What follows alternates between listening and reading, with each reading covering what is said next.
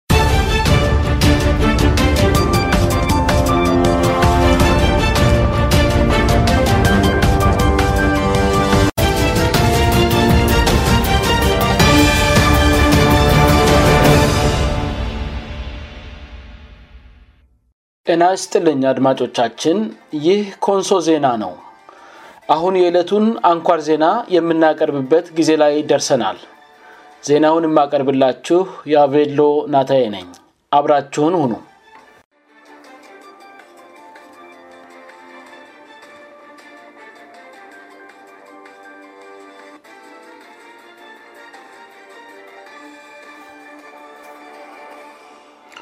አርስ ዜናዎቹን በማስቀደም የዕሌተ ቅዳመ ናሀሴ 9 ቀን 2013 ዓም አንኳር ዜናዎችን አሰማለሁ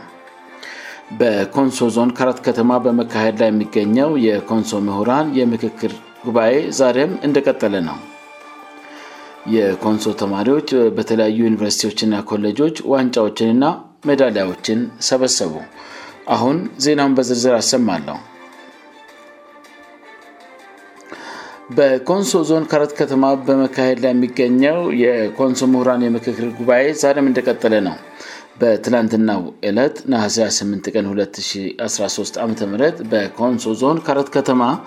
የኮንስትራክሽን ና ኢንዱስትሪ ኮጅ የተጀመረው የኮንሶ ዞን የምሁራን ምክክር ጉባኤ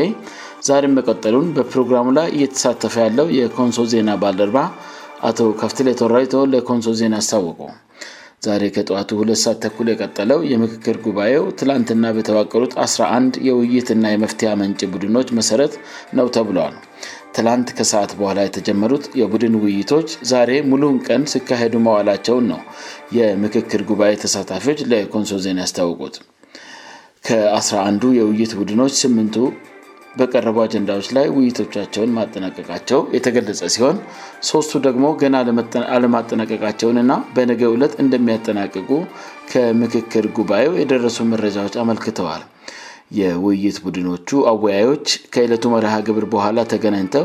የእያንዳንዱ የውይይት ቡድን ሀሳቦች በነገ ዕለት ስለሚቀርብበትና ከሁሉም ቡድኖች የቀረቡ ሀሳቦች ና የመፍትሄ አቅጣጫዎች ወደ አንድ ሰነድ ስለሚቀናጭበት አካሄድ መምከራቸውም ተገልጿል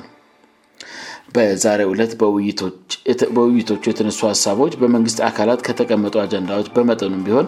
የተለዩ ቢሆንም አወያዮቹም ተሳታፊዎች ችግሮችንና መፍትሄቻቸውን ያለምንም ገደብ ማንሳት እንድችሉና ስሜታቸውንም እንድተነፍሱ መፍቀዳቸውም ተገልጿል ዛሬ በሰፊው በተደረጉ ውይይቶች ላይ የኮንሶን የተማሪ ማህበረሰብ ለመለያየት የዳረጉ የተለያዩ ችግሮች መነሳታቸው ተገልጿል በአንድ በኩል የልዩነት መሠረታዊ መነሻ ከ23 ዓ ም አካባቢ መነሻውን እንደሚያደርግ እና ከሰገን አካባቢ ህዝቦች ዞን መመስረት ጊዜ እንደጀመረ ቀጥሎም ደግሞ የኮንሶ ህዝብ የዞን ጥያቄ ትግል ፍሬያፍርቶ የዞን ጥያቄው ምላሽ ካገኘ በኋላ ደግሞ ዞኑን ማን ያስተዳድር በምለው ሀሳብ ዙሪያ የወቅቱ የደቡብ ክልል መንግስት ኃላፊዎችና የኮንሶ ህዝብ የተለያዩ ሰዎችን ለአመራር ማዘጋጀታቸውን እና ሆኖም ግን የኮንሶ ህዝብ እንድመሩት የሰባቸው መሪዎች ቀርተው የክልል መንግስት በጉልበት ህዝብ ላይ የጫናቸው መሪዎች ለችግሩ መካረር የጎላ ደርሻ መጫወቱ በብዙ የውይይት ቡድኖች ተነስቷል ይህንንም የአመራር ክሽፈት ተከትሎ በመንግስት አመራር በኩል ከፍተኛ ጫና በተማሪው የኮንሶ ማህበረሰብ ላይ መድረሱ በስፋት ተነስተል ከነዚህም ጫናዎች መካከል የጅምላ ፍረጃና ውንጀላ በአመራር ትዛዝ በዜጎች ላይ በደቡብ ልዩ ኃይል ሰራዊት የደረሰ ግድያ ድብደባ እስርና የሰብዊ እንግልቶች የሀሰት ምክሮችን በማዘጋጀት በመንግስት ኃላፊዎች የማይፈለጉ የተማሩ የኮንሶ ልጆችን በእስር ማንገላታት ማሰቃየትና የመሳሰሉት ሁኔታዎች መሆናቸው ተገልጧል ሌሎች ከተነሱ ችግሮች መካከል ሀሰተኛ የትምህርት ማስረጃዎችን በብር በመግዛት ሹመትና ስልጣን ማግኘት የቤተዘመድ ሹመት መበራከት በመሪዎች በኩል የሚስተዋል ግትርነትና የሀሳብ ልዩነትን የማሰናገድ አለመቻል በአንዳንድ አመራሮችና አመራር ያልሆኑ ሰዎች ዘንድ የሚስተዋል ሀሰተኛ የማኅበራዊ ድረገጽ አካውንቶችን በመጠቀም የግለሰቦችንና የኮንሶን ህዝብ ስም የሚያጠለሱ መረጃዎችን በአካንቶች አማካይነት ማሰራጨት በሰገን ዙዳያ ወረዳ አሁንም ስላልተቋረጠው የሰው ህይወት ጥፋትና የንብረት መውደም በፖለቲካ ፓርቲዎች ሰበብ በየቀበለው እየተናቆረ ስላለው የማህበረሰብ ክፍል ችግርና መሰል ሌሎችም ችግሮች በውይይቶቹ ተዘርዝረዋል በተመሳሳይ በአንዳንድ የውይይት ቡድኖች የሚከተሉት ሀሳቦች እንደ መፍትሄነት መነሳታቸውን ኮንሶ ዜና ያነጋገራቸው የምክክር ጉባኤው ተሳታፊዎች ተናግረዋል ከነዚህ የመፍትሄ ሀሳቦች መካከል በዞን ትግል ወቅት በሐሰት በመከሰስ ከፍተኛ እንግድትና ጉዳት የደረሰባቸው የኮንሶል ጆች በመንግስት ደረጃ እውቅና መስጠት ከዚህ በፊት በህዝብ ላይ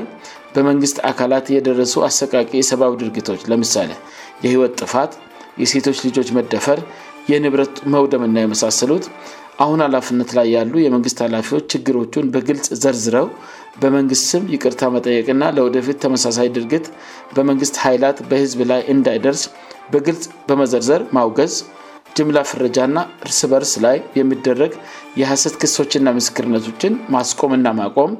የፍትሕ ጦት ችግሮችን መቅረፍ በቀበላ ደረጃ የተፈጠሩ መከፋፈሎች ና የፖለቲካ ፓርቲዎች በጋራ ህዝቡን እንዲያወያያቸው በማድረግ መፍታት ሰው የተገደለባቸው ሰዎች ሁኔታ በመንግስት ደረጃ ሀላፍነት በመውሰድ መደገፍ የምሉ የመፍትሄ ሀሳቦች ተቀምጠዋል ትላንትናና ዛሬ የተደረጉ መፍትሄ ምንጭ የቡድን ምክክሮች በነገው ዕለት እንደምጠናቀቁእና ሁሉም ቡድኖች በውይይት ያዳበራቸውን ሀሳቦች በነገው ዕለት በማቅረብ እና የተቀናጨ የጋራ የመፍት ሀሳቦች በማስቀመጥ እንደምጠናቀቅ ይጠበቃል በመጨረሻም አብረው የሚሄዱ ሀሳቦች ደረጃ በደረጃ አንድ ላይ እየተዋህዱ የመፍትያ ሀሳቦቹ ወደ አንድ ሰነድነት ይለወጣሉ ተብሎም ይጠበቃል ይህ ኮንሶ ዜና ነው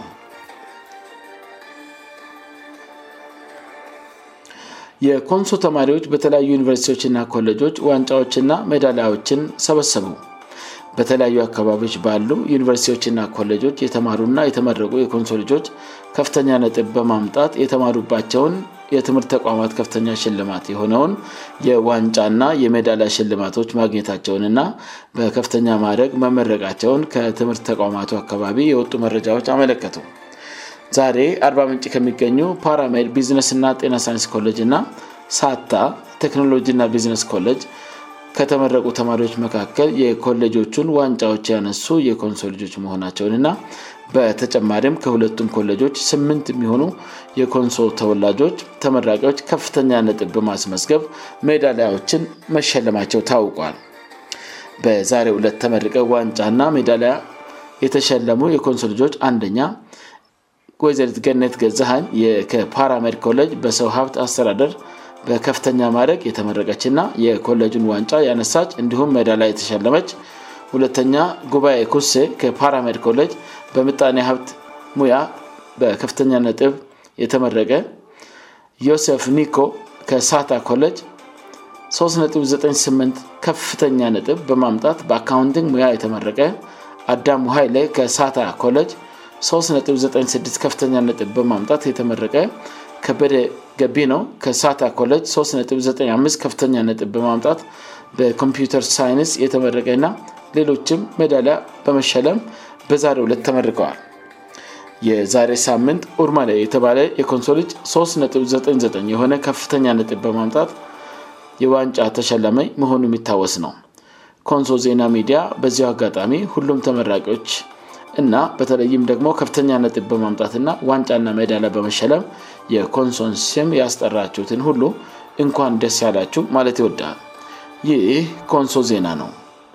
አድማጮቻችን ዜናውን ከማቃቴ በፊት አርሲ ዜናዎችን በድጋሚ ያሰማለሁ በኮንሶ ዞን ከአረት ከተማ በመካሄድ ላይ የሚገኘው የኮንሶ ምሁራን የምክክል ጉባኤ ዛሬም እንደቀጠለ ነው የኮንሶ ተማሪዎች በተለያዩ ዩኒቨርሲቲዎችና ኮለጆች ዋንጫዎችና ሜዳላዎችን ሰበሰቡ ዜናው በዚያ በቃ አድማጮቻችን የዕለቱ አንኳር ዜናችን ይህን ይመስል ነበር ስላዳመጣችሁን እናመሰግናለን ደህና ቆዩን